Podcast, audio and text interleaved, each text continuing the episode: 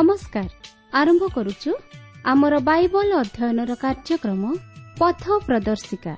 ପବିତ୍ର ବାଇବଲ କହେ କାରଣ ପାପର ବେତନ ମୃତ୍ୟୁ କିନ୍ତୁ ଈଶ୍ୱରଙ୍କ ଅନୁଗ୍ରହ ଦାନ ଆମ୍ଭମାନଙ୍କର ପ୍ରଭୁ ଖ୍ରୀଷ୍ଟ ଯୀଶୁଙ୍କ ସହଭାଗିତାରେ ଅନନ୍ତ ଜୀବନ ଅଟେ।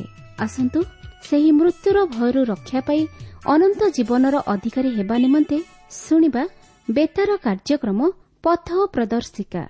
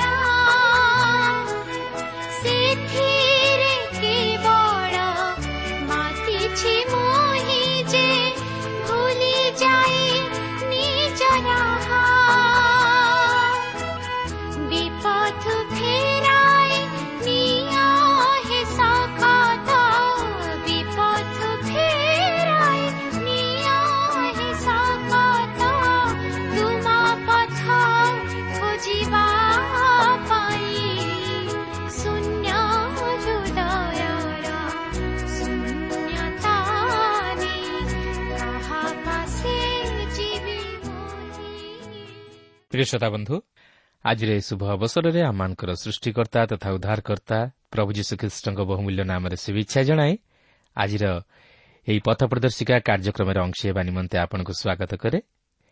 ଆପଣ ଆପଣଙ୍କର ବହୁମୂଲ୍ୟ ସମୟ ଦେଇଥିବାରୁ ଆମେ ବିଶେଷ ଧନ୍ୟବାଦୀ କେବଳ ସେତିକି ନୁହେଁ ଆପଣଙ୍କର ହୃଦୟସ୍ପର୍ଶୀ ସାକ୍ଷ୍ୟ ତଥା ମତାମତ ନିମନ୍ତେ ମଧ୍ୟ ବିଶେଷ ଧନ୍ୟବାଦ। ପ୍ରଭୁ ଆପଣଙ୍କୁ ଆଶୀର୍ବାଦ କରନ୍ତୁ ଓ ଆପଣଙ୍କର ମନମାଂଛା ପୂର୍ଣ୍ଣ କରନ୍ତୁ। ଆସନ୍ତୁ ପ୍ରଭୁଙ୍କର ବାକ୍ୟ ମଧ୍ୟକୁ ଯିବା ପୂର୍ବରୁ ସଂକ୍ଷେପରେ ପ୍ରାର୍ଥନା କରିବା। ପବିତ୍ର ପ୍ରଭୁ ତୁମର ପବିତ୍ର ନାମର ଧନ୍ୟବାଦ କରୁଅଛୁ। ଏହି ସୁନ୍ଦର ସମୟ ପାଇଁ ସୁଯୋଗ ପାଇଁ ତୁମର ଜୀବନ୍ତ ବାକ୍ୟ ପାଇଁ। ପ୍ରଭୁ ତୁମେ ଚାହୁଁ ନାହିଁ ଆମମାନେ ପାପରେ ବିନଷ୍ଟ ହେଉ। ସେଥିପାଇଁ ପ୍ରଭୁ ପୁନର୍ବାର ତୁମର ବାକ୍ୟ ଶୁଣିବା ପାଇଁ ଆମମାନଙ୍କୁ ସୁଯୋଗ ଦେଇଅଛ। ହଁ ପ୍ରଭୁ ସେ ବାକ୍ୟ ମଧ୍ୟ ଦେଇ ଆମମାନଙ୍କୁ ତୁମେ ସମ୍ପୂର୍ଣ୍ଣ ତୁମ ନିକଟବର୍ତ୍ତୀ କରାଅ। ସେ ବାକ୍ୟକୁ ସରଳ ବିଶ୍ୱାସରେ ହୃଦୟରେ ଗ୍ରହଣ କରି ତଦନୁଯାୟୀ ପ୍ରଭୁ ତୁମର ପଛରେ ଚାଲିବା ନିମନ୍ତେ ଆମମାନଙ୍କୁ ଶକ୍ତି ଦିଅ। ପ୍ରତ୍ୟେକ ଶ୍ରୋତାବନ୍ଧୁମାନଙ୍କୁ ତୁମେ ଆଶୀର୍ବାଦ କରି ପ୍ରତ୍ୟେକଙ୍କୁ ଆତ୍ମିକ ଜୀବନରେ ବର୍ଦ୍ଧିଷ୍ଣୁ କରାଅ। ଏହି ସମସ୍ତ ପ୍ରାର୍ଥନା ଆମମାନଙ୍କର ଉଦ୍ଧାରକର୍ତ୍ତା ଜୀବିତ ପୁନରୁତ୍ଥିତ ପ୍ରିୟ ପ୍ରଭୁ ଯୀଶୁଙ୍କ ନାମରେ ଏହି ଅଳ୍ପ ଭିକ୍ଷା ମାଗୁଅଛୁ।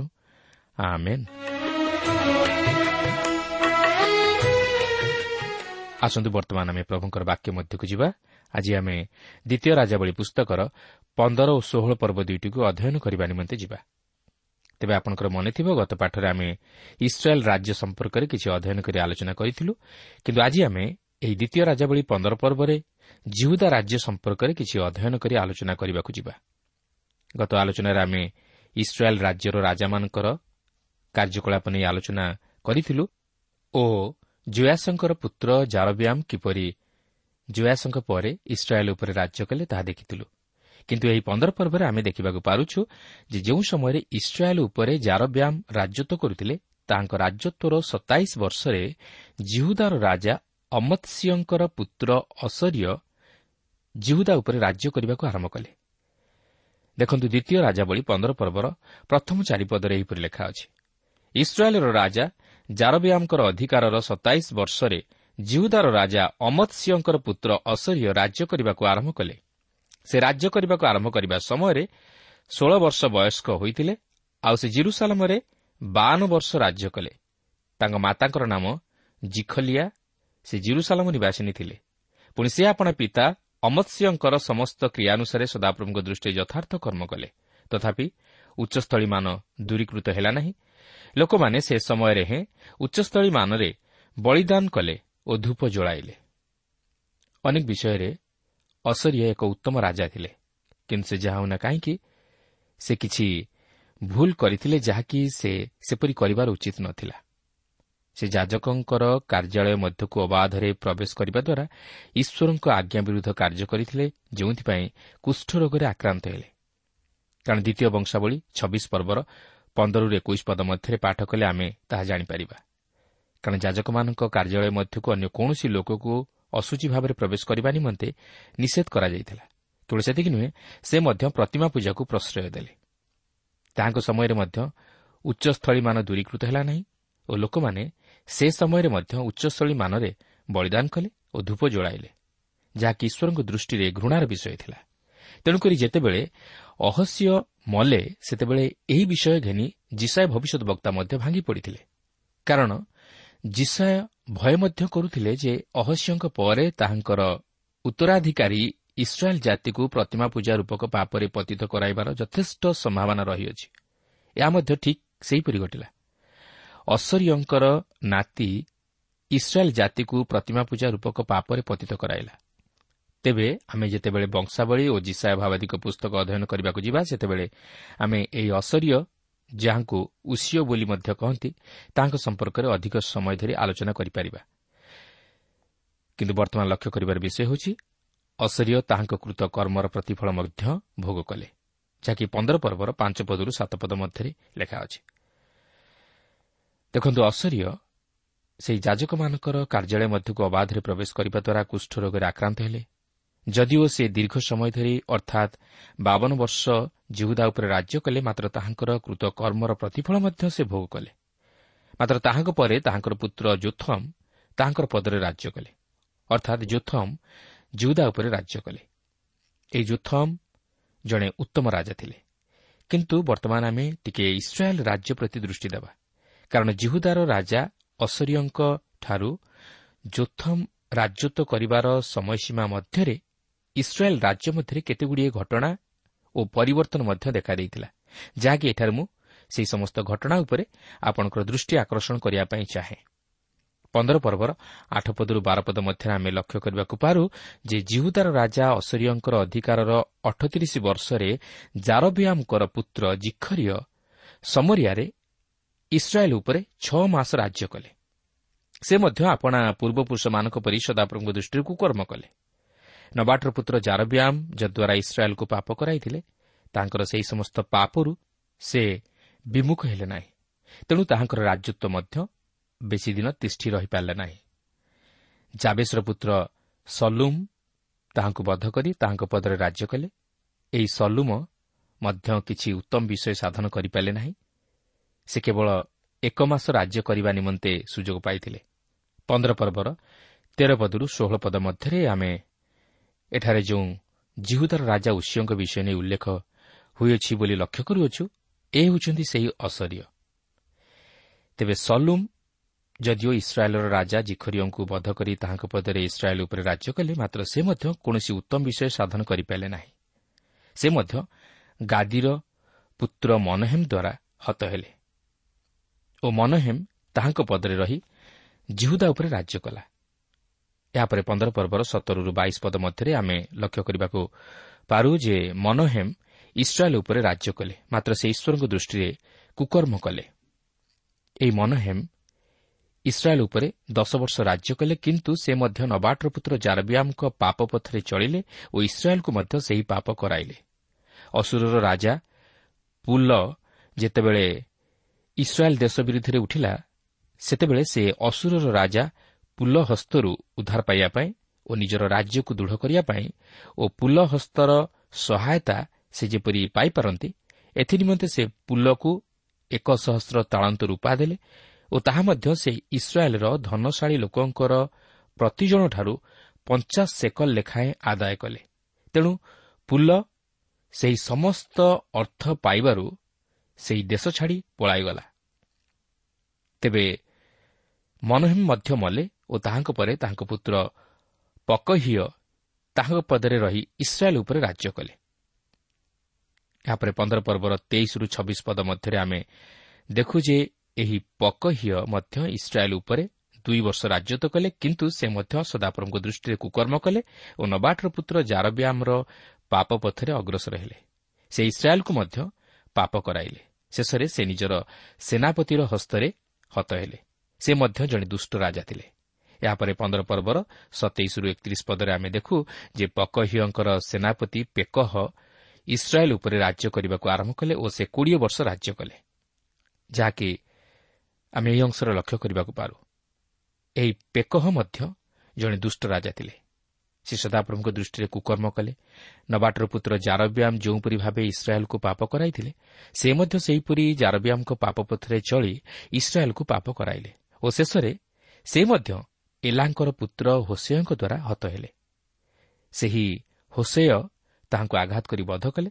ତେବେ ଏହି ହୋସେୟ ଇସ୍ରାଏଲ୍ ଉପରେ ରାଜ୍ୟ କରିବାକୁ ଆରମ୍ଭ କରିବା ସମୟରେ ଜିହୁଦାର ରାଜା ଉଷିୟଙ୍କର ପୁତ୍ର ଯୋଥମ୍ ମଧ୍ୟ ଜିହୁଦା ଉପରେ ରାଜ୍ୟ କରୁଥିଲେ। କିନ୍ତୁ ଏଠାରେ ଆମେ ଇସ୍ରାଏଲ୍ ମଧ୍ୟରେ ଏକ ଦୁଃଖର ବିଷୟ ଲକ୍ଷ୍ୟ କରୁଅଛୁ ଯେ ଇସ୍ରାଏଲ୍ର କୌଣସି ରାଜା ଉତ୍ତମ ନଥିଲେ ସମସ୍ତେ ଦୁଷ୍ଟ ରାଜା ଥିଲେ ଓ ସଦାପ୍ରଭୁଙ୍କ ଦୃଷ୍ଟିରେ କୁକର୍ମ କଲେ। ତେଣୁକରି ସେମାନଙ୍କର ରାଜ୍ୟ ସୁଦୃଢ଼ ହୋଇପାରିଲା ନାହିଁ। ସେମାନେ ପ୍ରତିମା ପୂଜା ରୂପକ ପାପରେ ପତିତ ହେଲେ ଓ ଈଶ୍ୱରଙ୍କଠାରୁ ବିମୁଖ ହେବାରୁ ଈଶ୍ୱରଙ୍କ ଆଶୀର୍ବାଦରୁ ବଞ୍ଚିତ ହେଲେ। ଏପରିକି ଇସ୍ରାଏଲ୍ର ରାଜା ପେକହଙ୍କର ସମୟରେ ଅସୁରର ରାଜା ତିଗ୍ଲାକ୍ ପିଲେସର ଆସି ଲୋକମାନଙ୍କୁ ବନ୍ଦୀ କରି ଅସୁରକୁ ନେଇଗଲା। ଏପରିକି ଇସ୍ରାଏଲ୍ ରାଜ୍ୟ ମଧ୍ୟରୁ କେତେକ ଦେଶ ମଧ୍ୟ ହସ୍ତଗତ କଲା। ଇସ୍ରାଏଲ୍ ଶତ୍ରୁ ସମ୍ମୁଖରେ ହାସ୍ୟାସ୍ପଦ ହେଲା। କାହିଁକି ଜାଣନ୍ତି? ଯେହେତୁ କୌଣସି ରାଜା ସଦାପ୍ରଭୁଙ୍କୁ ଭୟ କଲେ ନାହିଁ କି ତାହାଙ୍କର ଆଜ୍ଞା ଅନୁଯାୟୀ କାର୍ଯ୍ୟ କଲେ ନାହିଁ ମାତ୍ର ନିଜ ନିଜର ପାପ ତଥା ଅଧର୍ମରେ କାଳାତିପାତ କଲେ। ମାନବିକତା ନୈତିକତା ମଧ୍ୟ ରକ୍ଷା କରିପାରିଲେ ନାହିଁ। ସେମାନଙ୍କ ମଧ୍ୟରେ ଗୃହଯୁଦ୍ଧ ହତ୍ୟା ପ୍ରଭୃତି ଘଟିଲା। କେହି କାହାକୁ ବିଶ୍ୱାସ ମଧ୍ୟ କରିପାରିଲେ ନାହିଁ। ବଡ଼ ଭୟଙ୍କର ପରିସ୍ଥିତି ମଧ୍ୟ ଦେଇ ସେମାନେ ଗତି କଲେ। ଶତ୍ରୁ ହସ୍ତରେ ପରାଜିତ ହେଲେ।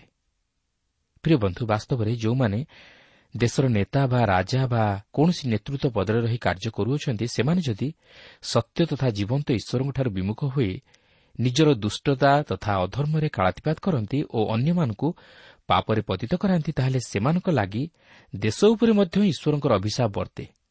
ଓ କେବଳ ସେମାନେ ନୁହନ୍ତି ମାତ୍ର ଦେଶର ପ୍ରତ୍ୟେକ ନାଗରିକ ମଧ୍ୟ ସମସ୍ୟା ଦୁଃଖ ଓ ପ୍ରାକୃତିକ ବିପର୍ଯ୍ୟୟ ତଥା ଶତ୍ରୁର ସମ୍ମୁଖୀନ ହୁଅନ୍ତି। ଓ ଦେଶ ବିପର୍ଯ୍ୟସ୍ତ ହୁଏ।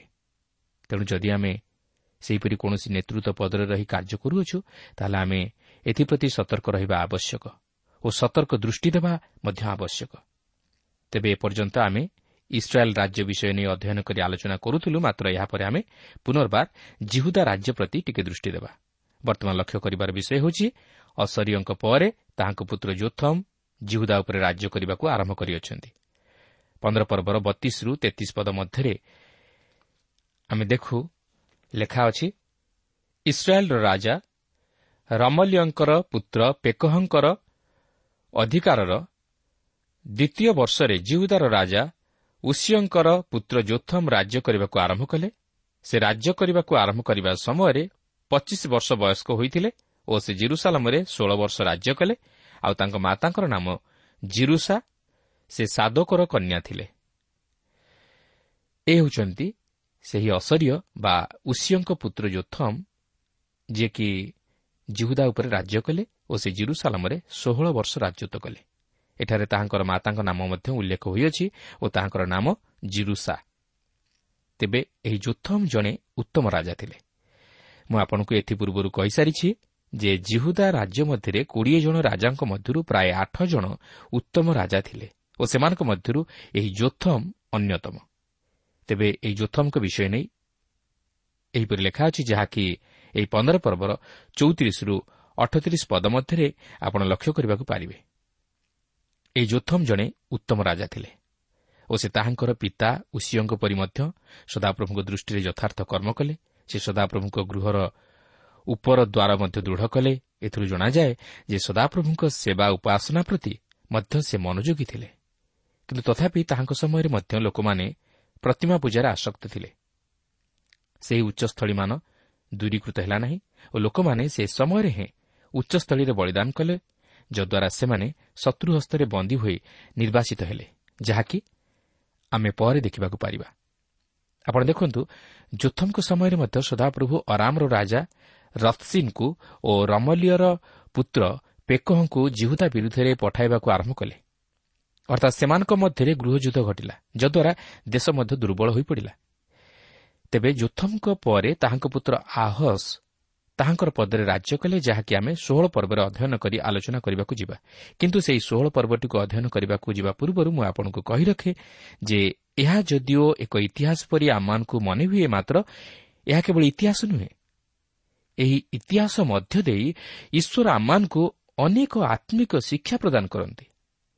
ଏହି ସମସ୍ତ ଆମମାନଙ୍କର ଶିକ୍ଷା ନିମନ୍ତେ ଯେପରି ଆମେ ସେହିସବୁ ଜାଣି ପାପ ତଥା ଅଧର୍ମରୁ ଦୂରବର୍ତ୍ତୀ ଜୀବନଯାପନ କରି ଈଶ୍ୱରଙ୍କ ଦୃଷ୍ଟିରେ ଯଥାର୍ଥ କର୍ମ କରୁ। ବର୍ତ୍ତମାନ ଆମମାନେ ଷୋହଳ ପର୍ବ ମଧ୍ୟକୁ ଯିବା। ଏହି ଷୋହଳ ପର୍ବରେ ଆହସ୍ କିପରି ଜିହୁଦା ଉପରେ ରାଜ୍ୟ କଲେ ତାହା ଲକ୍ଷ୍ୟ କରିବାକୁ ଯିବା। ଦେଖନ୍ତୁ ଷୋହଳ ପର୍ବର ପ୍ରଥମ ତିନି ପଦରେ ଏହିପରି ଲେଖା ଅଛି।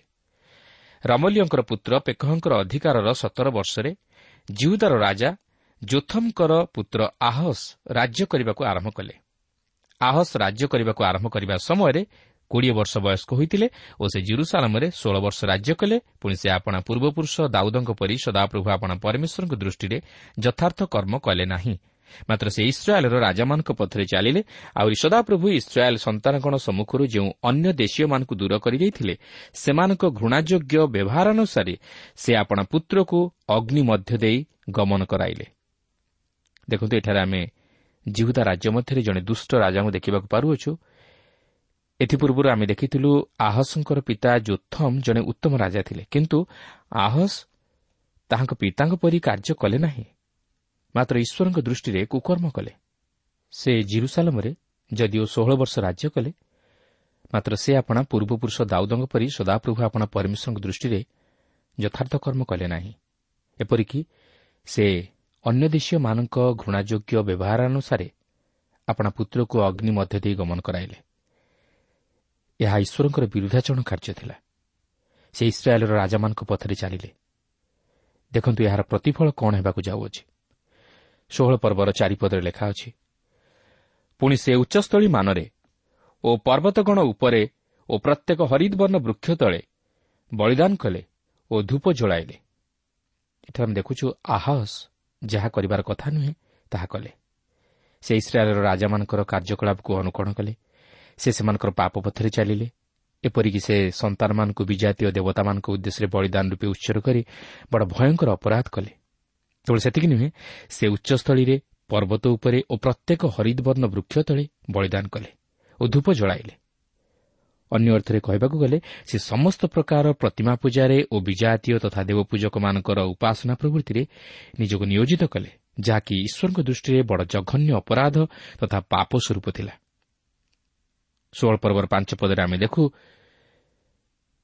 ଲେଖା ଅଛି ସେତେବେଳେ ଅରାମର ରାଜା ରତ୍ସିନ୍ ଓ ଇସ୍ରାଏଲ୍ର ରାଜା ରମଲିୟଙ୍କର ପୁତ୍ର ପେକହ ଯୁଦ୍ଧ କରିବା ପାଇଁ ଜିରୁସାଲମ୍କୁ ଆସିଲେ ପୁଣି ସେମାନେ ଆହସଙ୍କୁ ଅବରୋଧ କଲେ। ମାତ୍ର ତାଙ୍କୁ ପରାସ୍ତ କରିପାରିଲେ ନାହିଁ। ଏହି ଅଂଶଟିକୁ ବୁଝିବାକୁ ହେଲେ ଆମେ ଜିସା ଭାବାଦୀଙ୍କ ପୁସ୍ତକ ସାତ ପର୍ବଟିକୁ ମଧ୍ୟ ଦୃଷ୍ଟି ଆଗରେ ରଖି ଚିନ୍ତା କରିବାକୁ ହେବ। ତେବେ ଏହି ସାତ ପର୍ବଟି ଅତି ଗୁରୁତ୍ୱପୂର୍ଣ୍ଣ କାରଣ ଏହି ପର୍ବରେ ପ୍ରଭୁ ଶ୍ରୀଖ୍ରୀଷ୍ଟଙ୍କର କୁମାରୀ ଗର୍ଭରୁ ଜନ୍ମଗ୍ରହଣ କରିବା ନେଇ ଜିସାଏ ଭବିଷ୍ୟତ ବକ୍ତା ଯେଉଁ ଭାବଣୀ ପ୍ରକାଶ କରିଥିଲେ ତାହା ଉଲ୍ଲେଖ ହୋଇଅଛି। ତେବେ ଏହି ପର୍ବରେ ଜିସାଏ ଭବିଷ୍ୟତ ବକ୍ତା ଆହାସଙ୍କ ନିକଟରେ ଭାବବାଣୀ ପ୍ରକାଶ କରନ୍ତି ଯେ କି ଈଶ୍ୱରଙ୍କ ବାକ୍ୟକୁ ଶୁଣିବେ ନାହିଁ। ତେଣୁକରି ସେ ଆହସଙ୍କୁ କହନ୍ତି ଈଶ୍ୱରଙ୍କ ଉପରେ ବିଶ୍ୱାସ କରି ନିର୍ଭର କରିବା ପାଇଁ। ମାତ୍ର ଏହାପରେ ଆହସ ଈଶ୍ୱରଙ୍କ ଉପରେ ନିର୍ଭର କରିବା ପରିବର୍ତ୍ତେ ଓ ଈଶ୍ୱରଙ୍କର ନିକଟବର୍ତ୍ତୀ ହେବା ପରିବର୍ତ୍ତେ ଅସୁରର ରାଜାଙ୍କ ନିକଟରୁ ସାହାଯ୍ୟ ଲୋଡ଼ନ୍ତି। ଯଦ୍ୱାରା ଅସୁରର ରାଜାଙ୍କ ନିମନ୍ତେ ଏକ ସୁଯୋଗର ଦ୍ୱାର ଖୋଲିଗଲା। ସେହି ଉତ୍ତର ରାଜ୍ୟ ଅର୍ଥାତ୍ ଇସ୍ରାଏଲ୍ ରାଜ୍ୟ ମଧ୍ୟକୁ ପ୍ରବେଶ କରି ତହିଁର ଲୋକମାନଙ୍କୁ ବନ୍ଦୀ କରି ନେଇଯିବା ପାଇଁ। ଷୋହଳ ପର୍ବର ଛଅ ପଦରେ ଏହିପରି ଲେଖା ଅଛି ଯେ ସେହି ଅରାମର ରାଜା ରସିନ୍ ଓ ରମଲିୟଙ୍କର ପୁତ୍ର ପେକହ ଜିହୁଦାର ରାଜା ଆହାସଙ୍କୁ ଯଦିଓ ଅବରୋଧ କଲେ ମାତ୍ର ସେମାନେ ତାହାଙ୍କୁ ପରାସ୍ତ କରିପାରିଲେ ନାହିଁ। ଯାହା ଜଣାଯାଏ ଯଦିଓ ସଦାପ୍ରଭୁ ଏହି ଦୁଇ ରାଜାଙ୍କୁ ଜିହୁଦା ବିରୁଦ୍ଧରେ ପଠାଇଥିଲେ ମାତ୍ର ସେ ଜିହୁଦାର ରାଜା ଆହସଙ୍କୁ ସେମାନଙ୍କ ହସ୍ତ ଦ୍ୱାରା ପରାସ୍ତ କରିବାକୁ ଚାହିଁ ନ ଥିଲେ କିନ୍ତୁ ସେ ଆହସଙ୍କୁ ବୋଧହୁଏ ସୁଯୋଗ ଦେଇଥିଲେ ତାହାଙ୍କର ନିକଟବର୍ତ୍ତୀ ହେବା ପାଇଁ ଓ ତାହାଙ୍କ ଉପରେ ସମ୍ପୂର୍ଣ୍ଣ ନିର୍ଭର କରିବା ପାଇଁ। ତେବେ ଏହି ପଦରେ ଅଦ୍ୟପି ବୋଲି ଯେଉଁ ଶବ୍ଦଟି ବ୍ୟବହାର କରାଯାଇଅଛି ଏହାର ଅର୍ଥ ହେଉଛି ଏହି ଘଟଣାଟି ଲିପିବଦ୍ଧ ହେବା ସମୟ ପର୍ଯ୍ୟନ୍ତ ସେହି ଅରାମୀୟମାନେ ଏଲତ୍କୁ ଆସି ସେଠାରେ ବାସ କରୁଥିଲେ। ଏହି ପଦରେ ଆମେ ପ୍ରଥମ ଥର ପାଇଁ ଜିହୁଦୀ ଶବ୍ଦଟି ବ୍ୟବହାର କରାଯାଇଥିବାର ଲକ୍ଷ୍ୟ କରିବାକୁ ପାରୁଅଛୁ। ତେବେ ଅନେକ କହନ୍ତି ଯେ ଯେଉଁମାନେ କେବଳ ଜିହୁଦା ଗୋଷ୍ଠୀର ସେମାନଙ୍କ ନିମନ୍ତେ ଜିହୁଦୀ ଶବ୍ଦଟି ପ୍ରଯୁଜ୍ୟ କିନ୍ତୁ ତାହା ମଧ୍ୟ ଠିକ୍ ନୁହେଁ। କାରଣ ଆପଣ ଏଠାରେ ଲକ୍ଷ୍ୟ କରନ୍ତୁ ଯେ ଯେଉଁ ଲୋକମାନେ ଇସ୍ରାଏଲ୍ର ଉତ୍ତର ରାଜ୍ୟ ମଧ୍ୟରେ ବସବାସ କରୁଥିଲେ ସେମାନଙ୍କୁ ଏହି ଜିହୁଦୀୟ ଶବ୍ଦଟି ଉପସ୍ଥାପିତ କରେ। ତେଣୁ ଆମେ ଦେଖିବାକୁ ପାରିବା ଯେ ଇସ୍ରାଏଲ୍ର ବାରଟି ଯାକ ଗୋଷ୍ଠୀ ଏହି ଜିହୁଦୀୟ ନାମକୁ ବହନ କରୁଥିଲେ। ଏଠାରେ କିନ୍ତୁ ବର୍ତ୍ତମାନ ଲକ୍ଷ୍ୟ କରିବାର ବିଷୟ ହେଉଛି ଏହିପରି ପରିସ୍ଥିତିରେ ଆହସ୍ ଈଶ୍ୱରଙ୍କ ଉପରେ ନିର୍ଭର ନ କରି ଓ ଈଶ୍ୱରଙ୍କଠାରୁ ସହାୟତା ନ ଲୋଡ଼ି ଅସୁରର ରାଜା ଜିଗ୍ଲାତ୍ ପିଲେଶ୍ୱରର ସାହାଯ୍ୟ ଲୋଡ଼ିଲେ ଓ ଅସୁରର ରାଜାକୁ ମଧ୍ୟ ଇସ୍ରାଏଲ୍ର ଉତ୍ତର ରାଜ୍ୟ ମଧ୍ୟକୁ ପ୍ରବେଶ କରି ତାହା ଅଧିକାର କରିବା ନିମନ୍ତେ ସୁଯୋଗ ମିଳିଗଲା। ଦେଖନ୍ତୁ ଷୋହଳ ପର୍ବର ସାତ ଓ ଆଠ ପଦରେ ଏହିପରି ଲେଖା ଅଛି ଏଥିରେ ଆହସ୍ ଅସୁରର ରାଜା ତିଗ୍ଲତ୍ ପିଲେଶ୍ୱର ନିକଟକୁ ଦୂତଗଣ ପଠାଇ କହିଲେ ମୁଁ ତୁମ୍ଭର ଦାସ ଓ ତୁମ୍ଭର ପୁତ୍ର। ଆସ ଅରାମର ରାଜା ହସ୍ତରୁ ଓ ଇସ୍ରାଏଲ୍ର ରାଜା ହସ୍ତରୁ ମୋତେ ଉଦ୍ଧାର କର। ଏମାନେ ମୋ ପ୍ରତିକୂଳରେ ଉଠୁଅଛନ୍ତି। ପୁଣି ଆହସ୍ ସଦାପ୍ରଭୁଙ୍କ ଗୃହରେ ଓ ରାଜଗୃହର ଭଣ୍ଡାରରେ ପ୍ରାପ୍ତ ସୁନା ଓ ରୂପା ନେଇ ଅସୁରର ରାଜା ନିକଟକୁ ଦର୍ଶନୀ ରୂପେ ପଠାଇଲେ। ଦେଖନ୍ତୁ ଏହି ପ୍ରକାରେ ଆହସ୍ ରାଜା ଅସୁରର ରାଜାକୁ ଲାଞ୍ଚ ଦେଇ ତାହା ସହିତ ବନ୍ଧୁତ୍ୱ ସ୍ଥାପନ କରି ତାହାର ସହାୟତା ନେଲେ ଓ ସେହି ଅସୁରର ରାଜା ପ୍ରଥମେ ଦମେଶକ ଆକ୍ରମଣ କରି ଅରାମର ରାଜା ରତ୍ସିନ୍ଙ୍କୁ ବଧ କରି ଅରାମକୁ ତାହାର ଅଧୀନ କଲା ଓ ଏହାପରେ ସେ ନଗରକୁ ମଧ୍ୟ ଆକ୍ରମଣ କଲା। ଏହାପରେ ଷୋହଳ ପର୍ବର ନଅ ପଦରୁ ଦଶ ପଦ ମଧ୍ୟରେ ଆମେ ଦେଖୁଛୁ ଯେ ସେ ଅସୁର ରାଜାର ସେହି ଯଜ୍ଞବିଧି ଅନୁଯାୟୀ ଏକ ଯଜ୍ଞବିଧି ନିର୍ମାଣ କରି ସଦାପ୍ରଭୁଙ୍କ ମନ୍ଦିର ମଧ୍ୟରେ ତାହାକୁ ସ୍ଥାପନ କରିବାକୁ ଚାହିଁଲେ।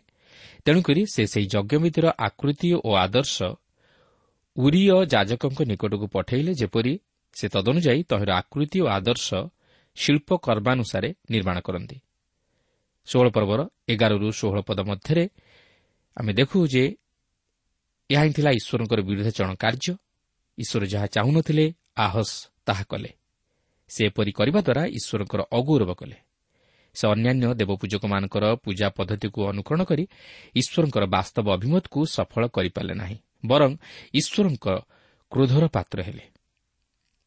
ଏହାପରେ ଷୋହଳ ପର୍ବର ସତର ପଦରେ ଆମେ ଦେଖୁ ଲେଖା ଅଛି ପୁଣି ଆହସ ରାଜା ବୈଠିକୀମାନର ମଧ୍ୟଦେଶ କାଟି ତହିଁରୁ ପ୍ରକ୍ଷାଳନ ପାତ୍ର ସ୍ଥାନାନ୍ତର କଲେ ଆଉ ସମୁଦ୍ର ରୂପାପାତ୍ର ତଳେ ଯେଉଁ ଯେଉଁ ପିତ୍ତଳମୟ ଗୋରୁ ଥିଲା ସେସବୁର ଉପରୁ ତାହା ନେଇ ପଥର ଚଟାଣ ଉପରେ ରଖିଲେ। ଦେଖନ୍ତୁ ଏପରି କରିବା ଦ୍ୱାରା ସେ ସତ୍ୟ ତଥା ଜୀବନ୍ତ ଈଶ୍ୱରଙ୍କ ମନ୍ଦିର ପ୍ରତି ମଧ୍ୟ ଅସମ୍ମାନ ପ୍ରଦର୍ଶନ କରିବା ସଙ୍ଗେ ସଙ୍ଗେ ଈଶ୍ୱରଙ୍କ ପ୍ରତି ମଧ୍ୟ ଅସମ୍ମାନ ଦେଖାଇଲେ। କହିବାକୁ ଗଲେ ସେ ଅଧର୍ମ ତଥା ପାପର ସୀମା ଟପିଗଲେ। ସତ୍ୟ ତଥା ଜୀବନ୍ତ ଈଶ୍ୱରଙ୍କୁ ଅପମାନିତ କଲେ ଓ ଈଶ୍ୱରଙ୍କ ମନ୍ଦିରର ପବିତ୍ରତାକୁ ନଷ୍ଟ କଲେ। କେବଳ ସେତିକି ନୁହେଁ ଷୋହଳ ପର୍ବର ଅଠର ପଦରୁ କୋଡ଼ିଏ ପଦ ମଧ୍ୟରେ ଆମେ ଦେଖୁ ଯେ ଏହି ପ୍ରକାରେ ଆହ ସଦାପ୍ରଭୁଙ୍କ ମନ୍ଦିରକୁ ବିକଳାଙ୍ଗ କରିଦେଲେ। ସେ ଏହାର ରୂପକୁ ବିରୂପ କରିଦେଲେ। ଏହାର ସୌନ୍ଦର୍ଯ୍ୟକୁ କ୍ଷୁର୍ଣ୍ଣ କଲେ। ଏହାର ପବିତ୍ରତାକୁ ନଷ୍ଟ କଲେ। ଈଶ୍ୱରଙ୍କୁ ଲୋକମାନଙ୍କୁ ପାପରେ ପତିତ କରାଇଲେ ଓ ନିଜେ ପାପ କରିବା ସଙ୍ଗେ ସଙ୍ଗେ ଅନ୍ୟମାନଙ୍କୁ ମଧ୍ୟ ପାପ କରାଇଲେ। ପ୍ରିୟ ବନ୍ଧୁ ମନୁଷ୍ୟ ଈଶ୍ୱରଙ୍କ ସେବା ଉପାସନା କରି ତାହାଙ୍କୁ ସନ୍ତୁଷ୍ଟ କରିବାକୁ ଚାହେଁ କିନ୍ତୁ କିପରି? ନିଜର କାଳ୍ପନିକ ଚିନ୍ତାଧାରା ଅନୁଯାୟୀ ନୁହେଁ। ମାତ୍ର ଈଶ୍ୱରଙ୍କର ଇଚ୍ଛା ତଥା ସଂକଳ୍ପ ଅନୁଯାୟୀ କଲେ ମନୁଷ୍ୟ ଈଶ୍ୱରଙ୍କୁ ସନ୍ତୁଷ୍ଟ କରିପାରିବ ଓ ତାହାଙ୍କୁ ଗୌରବ ଦେଇପାରିବ। ଈଶ୍ୱର ଆମମାନଙ୍କଠାରୁ କେଉଁପରି ଉପାସନା ଚାହାନ୍ତି ଓ କେଉଁ ପ୍ରକାର ଚାହାନ୍ତି ତାହା ସେ ତାଙ୍କର ବାକ୍ୟ ମଧ୍ୟ ଦେଇ ଆମମାନଙ୍କ ନିକଟରେ ପ୍ରକାଶ କରିଅଛନ୍ତି। କିନ୍ତୁ ବିଶେଷରେ ସେ ପ୍ରତିମା ପୂଜାକୁ ବିରୋଧ କରନ୍ତି।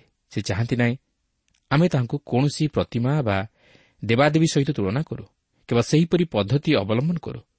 କିନ୍ତୁ ସେ ଆଜି ଚାହାନ୍ତି ଯେପରି ଆମେ ସତ୍ୟ ଓ ଆତ୍ମାରେ ତାହାଙ୍କର ଉପାସନା କରୁ ତେବେ ସେହି ସତ୍ୟ କ'ଣ ସେହି ସତ୍ୟ ହେଉଛନ୍ତି ପ୍ରଭୁ ଶ୍ରୀଖ୍ରୀଷ୍ଟ ଯିଏକି ଆମମାନଙ୍କୁ ପିତା ଈଶ୍ୱରଙ୍କର ନିକଟବର୍ତ୍ତୀ କରାନ୍ତି ଓ ସେହି ଆତ୍ମା ହେଉଛନ୍ତି ସତ୍ୟମୟ ଆତ୍ମା ଅର୍ଥାତ୍ ପବିତ୍ର ଆତ୍ମା ଯିଏକି ଆମମାନଙ୍କୁ ପଥ କଢ଼ାନ୍ତି ଓ ଆମମାନଙ୍କ ହୃଦୟରେ କଥା କୁହନ୍ତି ଓ କାର୍ଯ୍ୟ ସାଧନ କରନ୍ତି ଈଶ୍ୱରଙ୍କ ବାକ୍ୟ ମଧ୍ୟ ଦେଇ ଆମମାନଙ୍କୁ ଶିକ୍ଷା ଓ ଉପଦେଶ ପ୍ରଦାନ କରନ୍ତି ଓ ଈଶ୍ୱରଙ୍କର ବାସ୍ତବ ଉପାସନା କରିବା ନିମନ୍ତେ ସାହାଯ୍ୟ କରନ୍ତି ପ୍ରିୟ ବନ୍ଧୁ ଈଶ୍ୱର ହେଉଛନ୍ତି ଆତ୍ମା।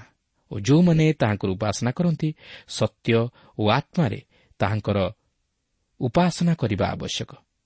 ତେଣୁ ଆସୁ ସେହି ପ୍ରଭୁ ଶ୍ରୀଖ୍ରୀଷ୍ଟଙ୍କଠାରେ ବିଶ୍ୱାସ କରି ତାହାଙ୍କୁ ନିଜ ହୃଦୟରେ ସ୍ଥାନ ଦେଇ ପିତା ଈଶ୍ୱରଙ୍କର ନିକଟବର୍ତ୍ତୀ ହେବା ପାଇଁ ଓ ତାହାଙ୍କ ସହ ସହଭାଗିତା ସ୍ଥାପନ କରିବା ପାଇଁ ଚେଷ୍ଟା କରୁ। ପ୍ରଭା ପ୍ରତ୍ୟେକଙ୍କର ସହବର୍ତ୍ତୀ ହୁଅନ୍ତୁ।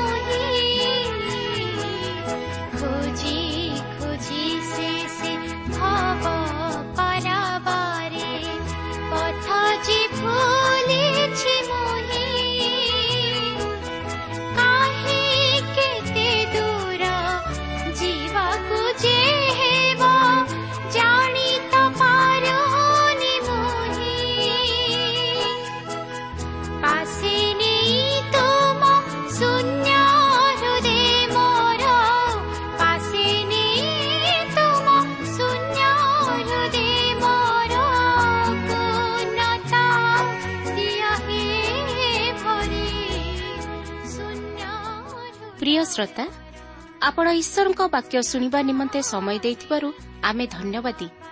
ଆପଣ ଯଦି ପ୍ରଭୁ ଯୀଶୁଙ୍କର ବାକ୍ୟ ବିଷୟରେ ଓ ତାହାଙ୍କର ପ୍ରେମ ବିଷୟରେ ଅଧିକ ଜାଣିବାକୁ ଚାହାନ୍ତି ଯାହାକି ଆପଣଙ୍କୁ ପାପରୁ ଉଦ୍ଧାର ପାଇବା ନିମନ୍ତେ ପଥ ଦେଖାଇବ ତାହେଲେ ଆମ ସହିତ ପତ୍ର ମାଧ୍ୟମରେ ଅଥବା ଟେଲିଫୋନ୍ ଯୋଗେ ଯୋଗାଯୋଗ କରନ୍ତୁ। ଆମର ଠିକଣା ପଥ ପ୍ରଦର୍ଶିକା Trans World Radio India post box number ତିନି ତିନି ଭୁବନେଶ୍ୱର ସାତ ପାଞ୍ଚ ଏକ ଶୂନ ଶୂନ ଏକ mobile number nine seven double seven double two one four one five ଠିକଣାଟି ଆଉଥରେ ଶୁଣନ୍ତୁ ପଥ ପ୍ରଦର୍ଶିକା Trans World Radio India post box number three three Bhubaneswar seven five one zero zero one mobile number nine seven double seven double two one four one five ଆମର email ଆଡ୍ରେସ୍ଟି ଲେଖି ରଖନ୍ତୁ Odia T T V at radio eight eight two dot com ତେବେ ଆଜି ପାଇଁ ଏଠାରେ ରଖୁଛୁ। ପ୍ରଭୁ ଯୀଶୁ ଆପଣଙ୍କୁ ଆଶୀର୍ବାଦ କରନ୍ତୁ। ନମସ୍କାର।